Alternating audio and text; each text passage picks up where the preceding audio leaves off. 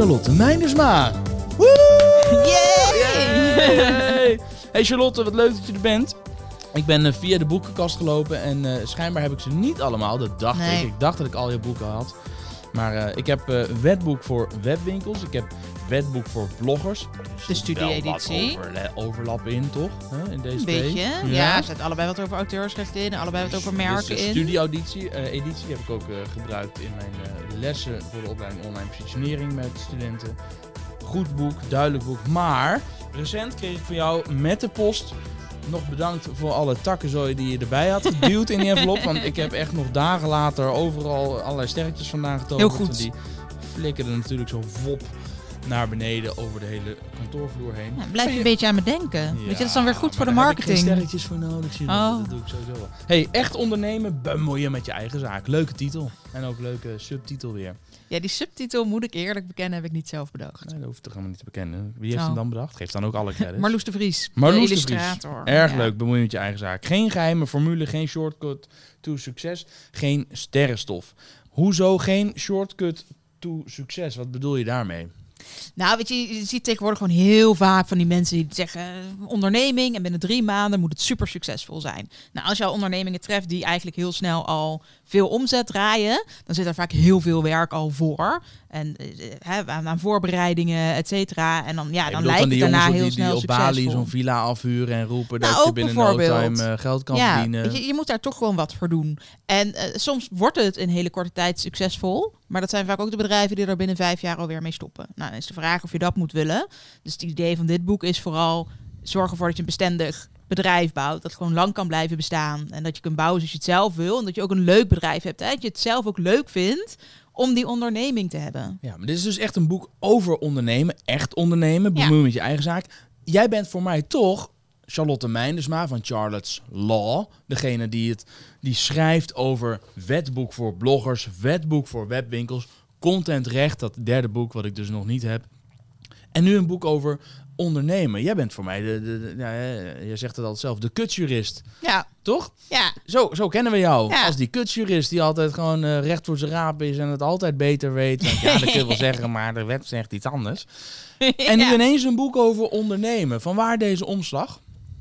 Nou ja, is het een omslag? Er zitten ook nog steeds juridische zaken in. Hè? Dus de dingen die je echt geregeld moet hebben als ondernemer, die, die benoem ik ook nog wel. Eh, dingen die gewoon verstandig zijn om te regelen, die staan daar ook in. Ehm, met name omdat er gewoon wat dingen zijn als een opdrachtnemer bijvoorbeeld. Nou, die mag helemaal een opdracht niet zomaar opzeggen. Mag gewoon niet van de Een wet. opdrachtnemer mag niet zomaar een opdracht opzeggen. Ja, Dus jij huurt mij in.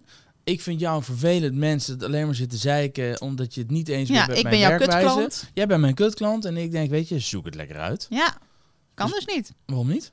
Omdat dat van de wet niet mag. Dus Maar de ik enige manier met om dat... samenwerken, dan kan ik ja, zeggen, als- dit gaan we niet meer doen. Ja, nou ja, dus natuurlijk, dan zou je kunnen zeggen, dan eh, voer ik gewoon mijn werk niet meer uit. En dan gaat jouw klant zeggen, dat is prima, maar betaal dan maar schadevergoeding. Ja, ja. Dus dat zou kunnen, natuurlijk. Hè? En, en uiteindelijk moet je natuurlijk eigenlijk ervoor zorgen dat je het met communicatie oplost. Daar, volgens mij zit het hem daarin, hè, dat je van tevoren dus heel helder moet afspreken wat gaan wij doen. En dan kan ik namelijk tegen jou zeggen, nee Charlotte, we hebben afgesproken dat ik dit voor jou ging doen, maar nu vraag je dat. Dat ga ik niet voor je doen. Ja, Dan is het een ander verhaal, toch? Dan kan ik zeggen, dat ga ik niet doen, want dat hebben we niet afgesproken. uiteraard. Ja, kijk, het begint altijd met vertrouwen. Als je geen vertrouwen erin hebt, geen goed gevoel hebt, dan moet je sowieso zo'n samenwerking niet aangaan. Nou, stap 2 is dan inderdaad gewoon heldere afspraken maken, zodat er ook daarover geen gedoe kan ontstaan. En dat is dus ook het moment waarop je moet regelen, stel dat het toch misgaat, hoe kunnen we dan weer van elkaar af? Ja. En dat moet je dus ook regelen, omdat het anders gewoon dus niet lukt. Heb je wel eens een kutklant gehad waarbij je dacht, takkenzooi, ik heb afgesproken dat we dit zouden gaan doen, maar eigenlijk heb ik helemaal geen zin meer om voor jou te werken? Ik heb best wel eens kutklanten gehad, ja. Ja, maar dan moet ik eerlijk toegeven dat dat vooral is dat dat klanten waren waar dan eigenlijk al een beetje zo Dat je twijfels over op voorhand hebt. al Ja. onderbuikgevoel te dacht, Ja. eigenlijk moet ik dit niet doen. Precies. Ja, en heb je toch aangenomen. Ja. Zou je dat nu weer doen? Ik doe het steeds minder. Dus er glipt er nog wel eens eentje tussendoor. Ja, dat je denkt, het voelt eigenlijk niet goed. Maar goed, nou ja, we, om, Ja. toch leuke omzet. En het is ook wel lekker, we gaan het toch doen. Precies. Ja, ik heb, ik, ik, heb die voorbeelden ook. Ik zal geen namen noemen, maar ik heb wel eens een website voor iemand gebouwd waar echt alleen maar gezeik van, eh, mee kwam. Met ja, maar dit kunnen we, mogen we toch verwachten dat je dat ook doet? Ik zei, Nee, we hebben afgesproken wat je mag verwachten. Dat is dit. En, en dit is extra, dit staat er niet bij. En ik wil het wel voor je doen, maar dan gaat de prijs omhoog. Nou, discussies, jongen.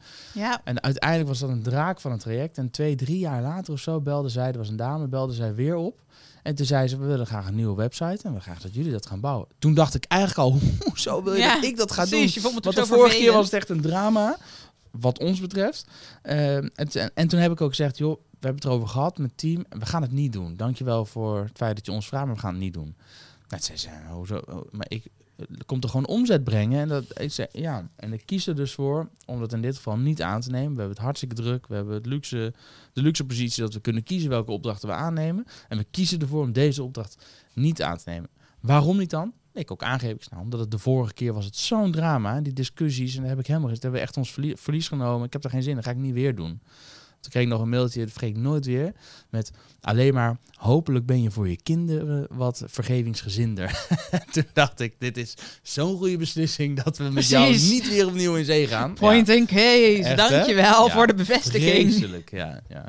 Hoe, hoe voorkom je dit soort misstappen, behalve goed vertrouwen op je onderbuikgevoel en als het niet goed voelt, niet doen? Nou ja, kijk, eh, echt voorkomen eh, eh, gaat dan natuurlijk verder niet. Hè? Dus dat, begint echt aan de voorkant en met goede communicatie. En het gaat er dus meer om dat, stel dat je het niet hebt aangevoeld ehm, en, en het allemaal fantastisch leek, of er gewoon ergens halverwege wat misgaat, ehm et cetera. Jij denkt dat je goed gecommuniceerd hebt, maar je dus inderdaad toch zo'n klant hebt die niet goed communiceert en het daardoor misgaat. Dan wil je daar gewoon vanaf kunnen. Ja. En dat moet je dan gewoon je even ja, in je algemene voorwaarden. In je algemene voorwaarden neem je op als je ik van je af wil, je dan kan dat. contract. Ja, precies. Maar hoe werkt dat dan? Nou ja, dat, de grootste grap is dat dat B2B, mag je dat eigenlijk zelf bepalen. Dus wil je een opzegtermijn, wil je er meteen van af kunnen. Maar, de- wil maar je moet het wel in je algemene voorwaarden zetten, Ja. want anders mag het dus Anders niet mag je er niet zomaar van af. Dus, en dan kun je het natuurlijk weer oplossen met communicatie. Dus als je een klant hebt ik gewoon kunt zeggen, het gaat zo niet samen. Eh, zullen we er maar mee stoppen? Want voor jou en mij is het allebei niks. De kans is een Ehm, stuk groter ook Betaal mijn laatste factuur maar niet. toch? Ja, Meestal is het Je- zo dat het is meer dat je vaak gedoe krijgt over wat moet er nog wel of niet betaald worden. Moest er niet wel of niet nog wat uitgevoerd worden, Ja. ehm, et cetera.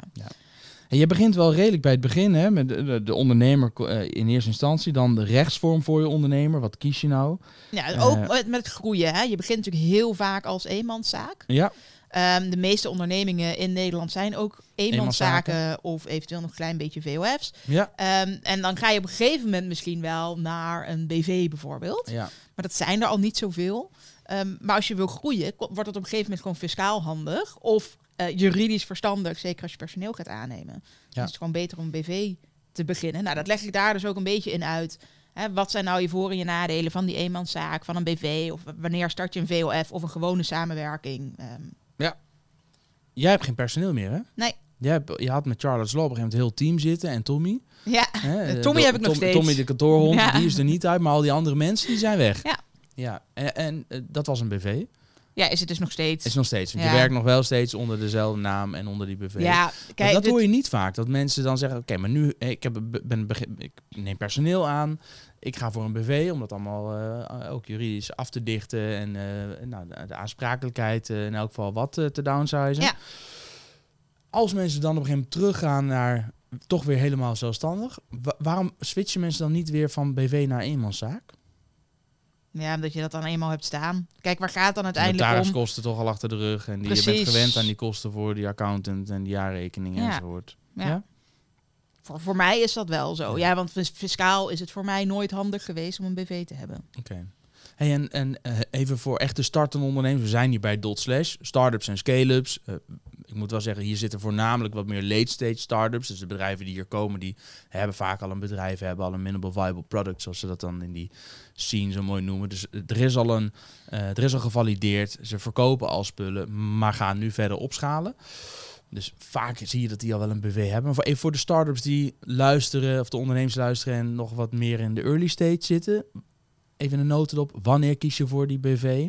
En wanneer kies je voor Vooral als je, als je je risico's af wil dekken. Dus je eenmanszaak is vooral snel opstarten en is goedkoop. Ehm, dus je kunt nu naar de KVK en meteen beginnen. Maar nadeel. Eh, het, het nadeel is dus vooral dat als er iets misgaat, dan ben je persoonlijk aansprakelijk. Dus als jij een huis op je eigen naam hebt staan, Ja, dan raak je je huis spel. kwijt. Ja. Nou, als je dat met een BV-structuur kunt oplossen, dan gaat in principe eerst die BV daaraan. En dan wordt daarna ook eigenlijk pas gekeken, goh, heb jij als bestuurder nou zulke fouten gemaakt dat we jou als bestuurder ook aan kunnen spreken. En dan word je Ja. dan pas Ja, en wanneer is de fout groot genoeg? Als je had kunnen voorzien dat wat je aan het doen bent echt hele grote risico's met zich meebrengt. Of het voortbestaan ja, van het bedrijf. In, eh, Precies. Of extreme risico's. Of dingen van je echt wel wist dat dat gewoon fout, foute boel was. Ja. Dus wat je ook heel vaak ziet, is dat er... Exact. Wat je vaak ziet, is dat mensen een, een werkmaatschappij en een holding maken. Ja, waarom is dat? Waarom, waarom dan nog en nog die een laagje erboven? extra daartussen. Oh ja. Dus dan is de eh, holding is een bestuurder van de werkmaatschappij. Dus als het dan misgaat, dan wordt die bestuurder aangesproken. En dat is je holding BV. Nou, dan ben je zelf als persoon weer een bestuurder van die holding. Ja. Het is eigenlijk gewoon een stapje extra. Ja, maar het is, het wilde, het is dus niet zoals mensen een BV hebben met een holding erboven, dat ze dan per definitie van plan zijn om foute dingen te doen. Of, hè, het is niet Nee, een extra is- het is- laag die je nee. denkt, nou, die heb ik nodig. Er zijn meer voordelen aan een holding, toch?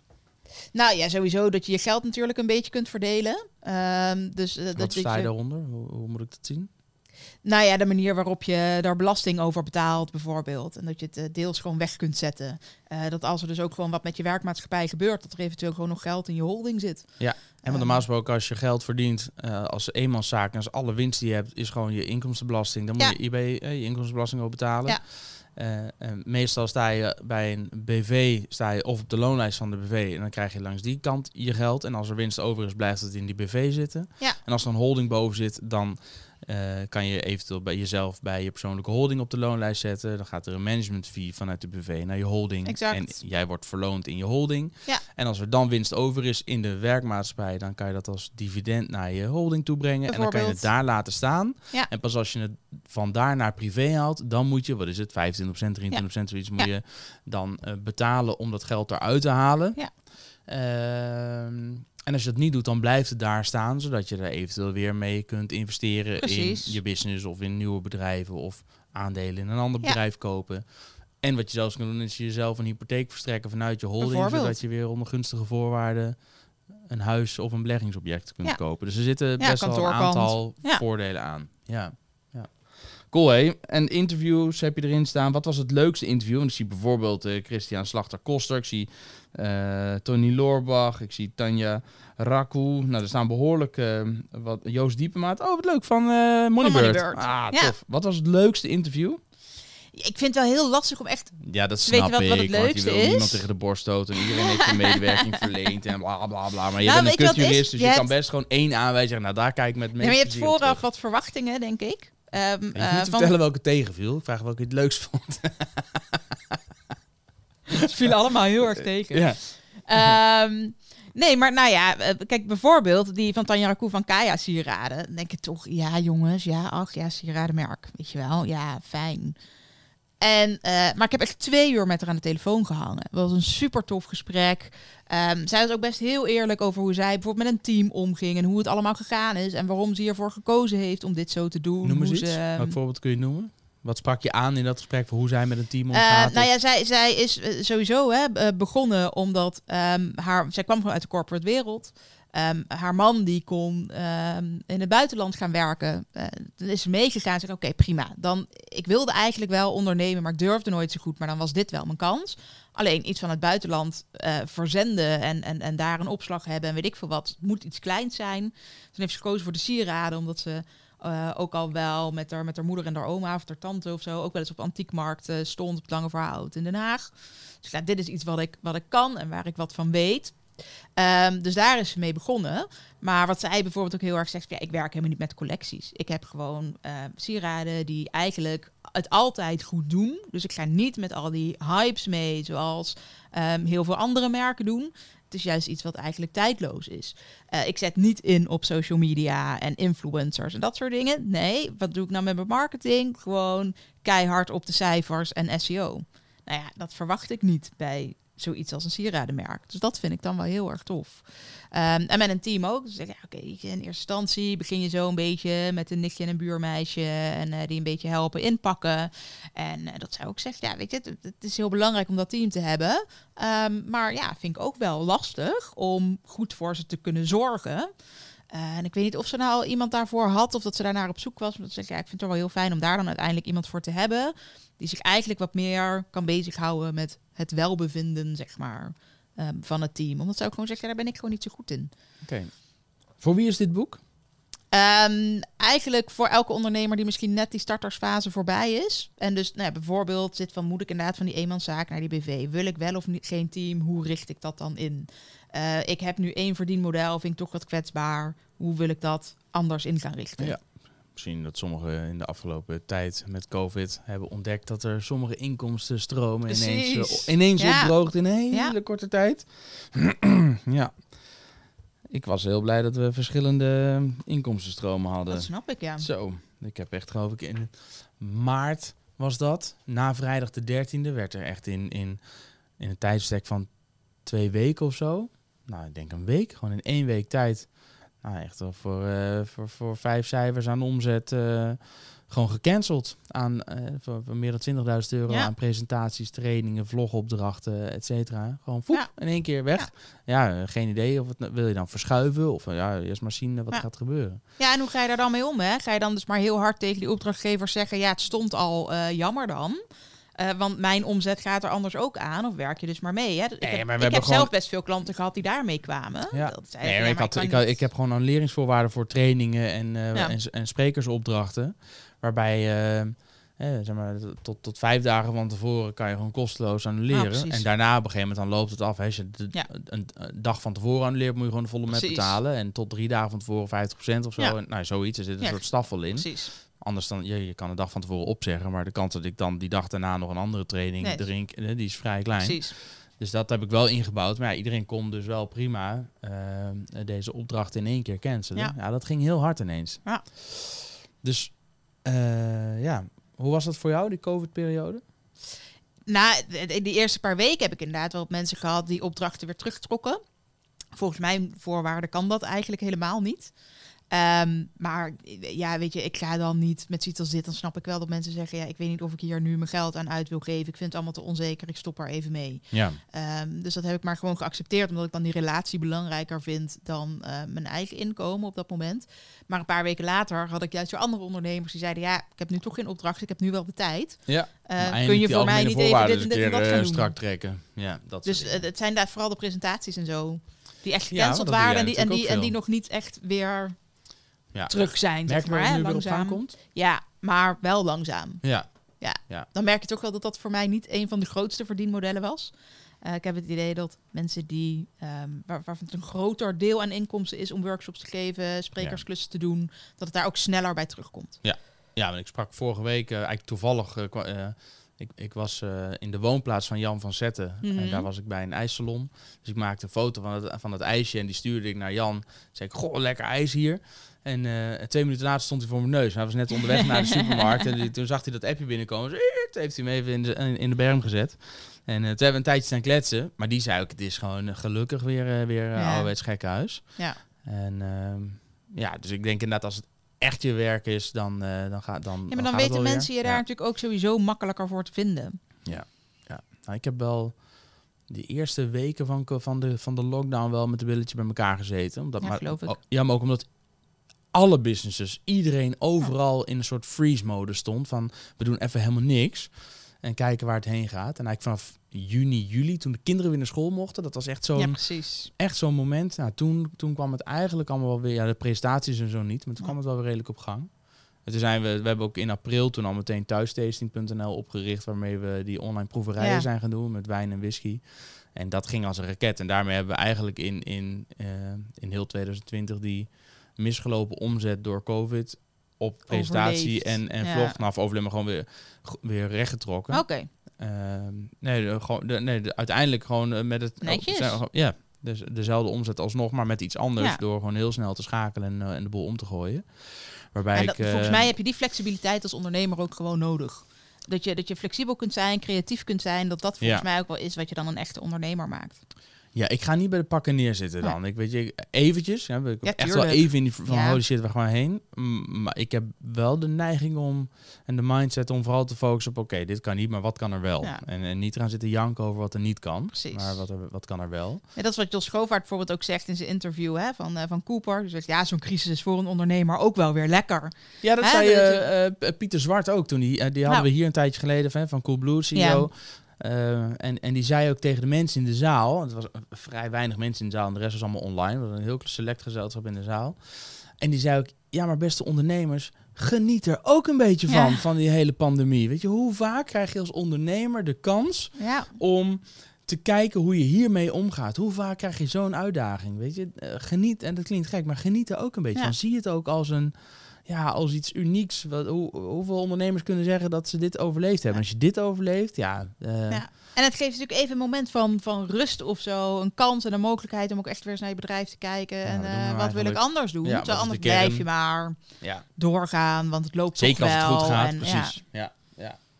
Nou, en ik moet eh, voor mij, en dat, het, vastgoed is onze core business. Ehm, en de presentaties en dergelijke, dat, is, ja, dat zijn de vakanties en dat is de kerst op de taart. Ja. Dus voor mij was het minder heftig dat dat ehm, niet doorging. Maar we hebben, we hebben gelukkig heel weinig huurders die heel hard geraakt zijn door, eh, door de pandemie. Wel een paar die bijvoorbeeld echt afhankelijk zijn van grote evenementen, ticketverkoop of Ja. eh, attributen die ze op evenementen gebruiken. Ja, voor, als, als dat dan je enige Ja, dan bron van inkomsten is, ja, dan Ja. ben je echt een lul. Dan- Ja. Ja, ben blij dat je in Nederland woont, denk ik, met eh, alle maatregelen die... Ja, nou ja, behoorlijk wat opvang wat dat betreft. Behoorlijk. Ja. ja. Dus dit is voor ondernemers die al wel aan de gang zijn, maar nog Ja. niet... ehm, Je echte startersvragen staan daar niet in. Ehm, hè, ook, ook op juridisch vlak. Nou ja, kijk, ik zou hopen dat je het allemaal al geregeld hebt. Maar mijn Ja. ervaring is nou juist dat dat niet zo is. Ik heb ook gewoon gevraagd hoor aan ondernemers. Wat zijn nou de dingen die je nog graag zou willen weten en zou willen leren, et cetera. En dat is dus ook wat erin terugkomt. Ja. Nou, is ook mensen van ja, ik, ik, ik, ik moet toch wel mijn grenzen aangeven. Hoe doe ik dat nou het beste? Eh, nou, er zit ook een hoofdstuk in durf te falen. Maar dus ook hoe kom je van die kutklant af? Het gaat allebei een beetje over die grenzen bepalen en daar wat mee omgaan. ja. Aan het einde van je boek eindig je, daar sluit je mee af, lessen uit 10 jaar ondernemen. Deel eens twee lessen met ons die jij hebt eh, opgedaan tijdens jouw carrière als ondernemer. Nou, ik, ik denk dat ik me ehm, eh, als ondernemer toch ook best wel eens heb af laten leiden door wat andere mensen dan zeiden over ondernemen en hoe het zou moeten. En dan hè, dat dan echt, is, ja, maar Charlotte, weet je wat jij zou moeten doen? Welk voorbeeld Ehm, kun je noemen? Wat is nou iets waar, waar, waar- wat, wat, wat je bent gaan doen omdat je omgeving zei dat zou een goed idee ja, zijn? team. Ja? Mensen aannemen, Ja. opschalen. Ja, je hebt werk te veel, huur mensen in. Dan kun je Bij delegeren. alles. Hè? Als ik nu ook zeg, ja, maar goed, ik, ik wil dingen een beetje anders aanpakken. Of eh, ik- wil mijn tent anders inrichten. Het is altijd alleen maar, nee, maar weet je wat jij moet doen? Maatwerk. Ja, ik doe maatwerk.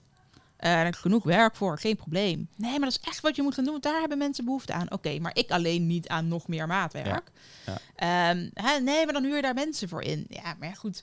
Ik kan meedenken met een ondernemer. De gemiddelde jurist kan dat niet. De, de stijl waarin ik schrijf, eh, hè, het, het zo, jouw zo- stijl. ja, Dus zo toegankelijk mogelijk maken. Overdraagbaar. Ja, eh, weet je, we leren op de universiteit bij wijze van spreken zo wollig mogelijk schrijven. Dat, dat was de kritiek op mijn scriptie, was dat het toegankelijk was. Oh ja? Nou ja, Hè, Bizar, dus dat is ja. dan, dat, dat moet dan allemaal wolliger. Dus dat wordt er ingestampt. Ja, dat, dat er weer er uithalen uit. is heel lastig. Maar het is niet zo makkelijk. bijvoorbeeld, jij zegt eigenlijk ben je begonnen aan medewerkers aannemen, personeel aannemen, een team bouwen, omdat er mensen in je omgeving zeiden, weet je wat jij moet doen, je moet gewoon een team, zorgen dat je een team om je heen hebt. Nou ja, in de zin van, als je te veel werk hebt, dan is dat je oplossing. En nu achteraf, wat, wat was de, want je, je bent gestopt met dat team, dus dat bleek Ja. niet de juiste Ja, oplossing ik- voor jou. Precies, want ik ben geen manager. Hè? Dus dat, dat ligt ook helemaal... Was dat het Je- probleem? Nou ja, je hebt de combinatie van de juiste mensen weten te vinden, maar die mensen ook op de juiste manier kunnen begeleiden, goede werkplek geven. Ja, dat moeten we een manager moeten aannemen.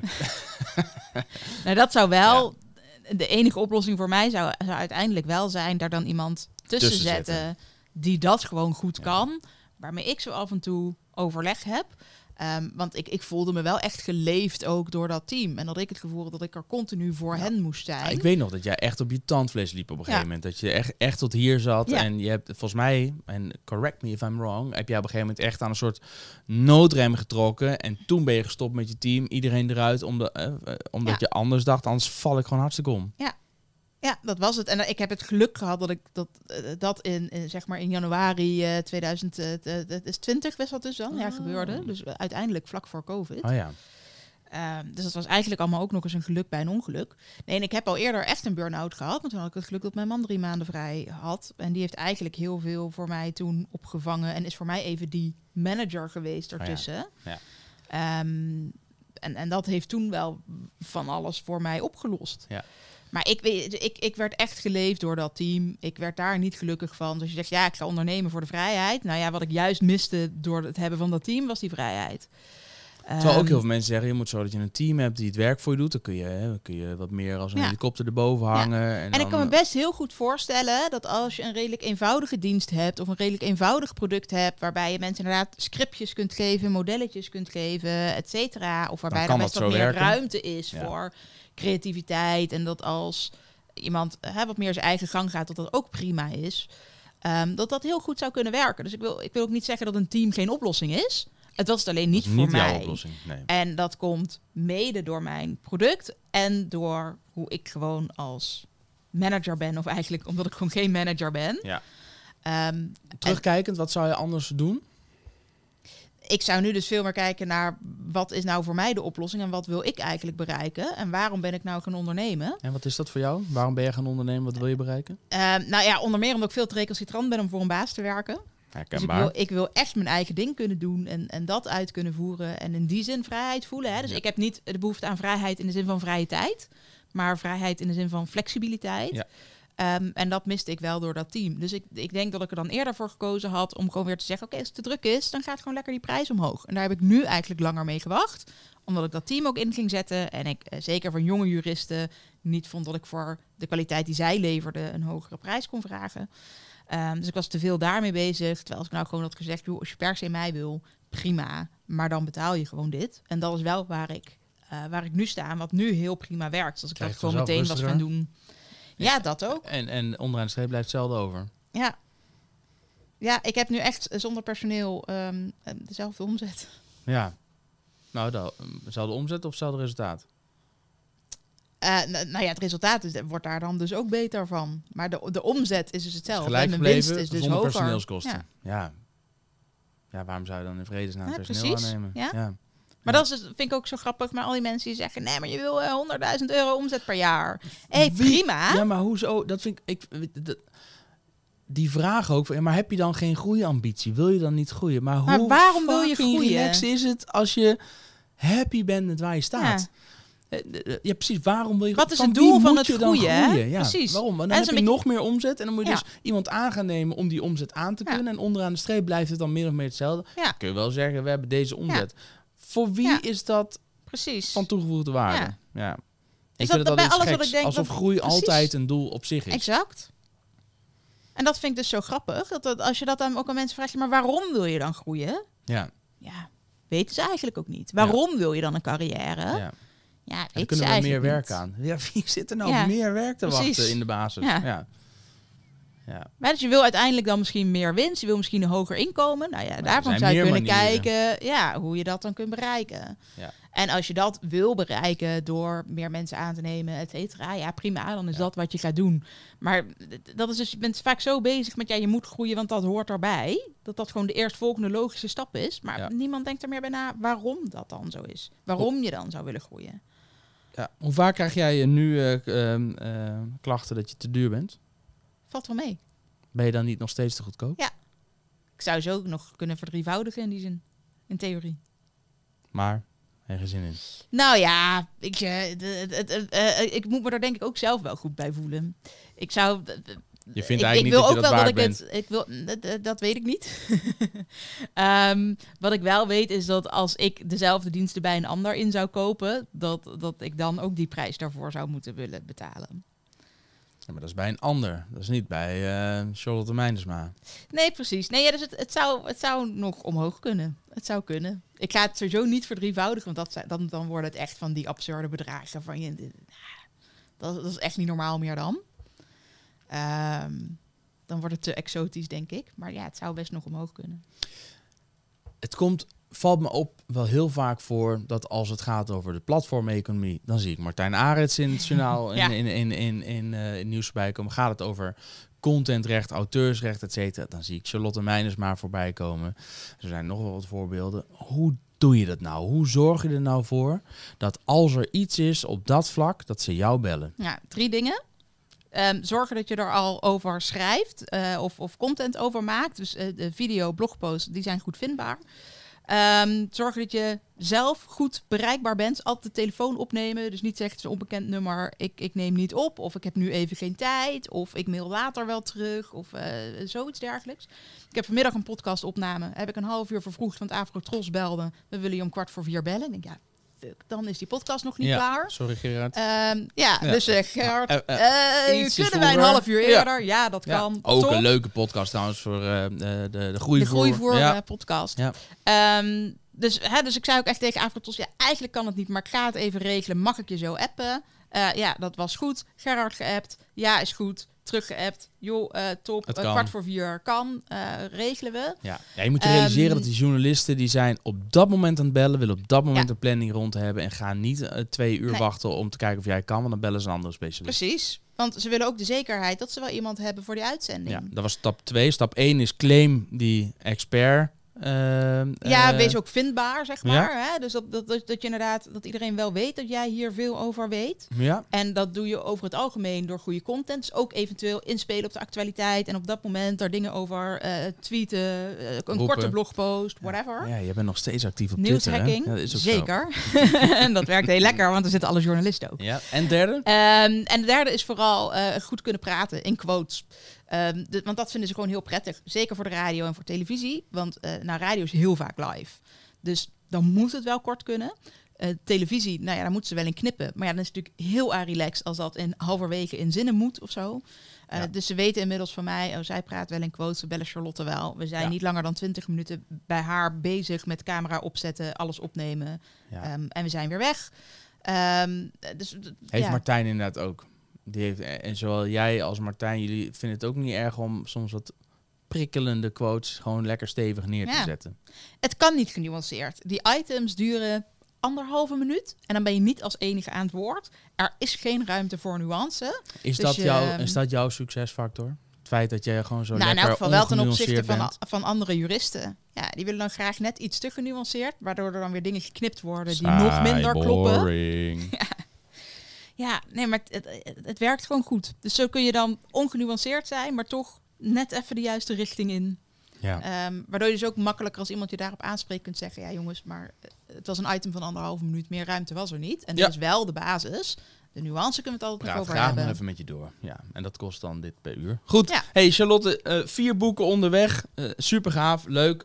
Echt ondernemen, bemoeien met je eigen zaak. Ehm, op dit moment, as we speak, net nummer drie geloof ik op Ja, managementboek.nl. ik heb zes dagen op twee gestaan. Maar Ja. ehm, Ja, en nu nummer drie. Eh, misschien dat er nog weer een... eh, maar goed, nog steeds top drie. Super mooi.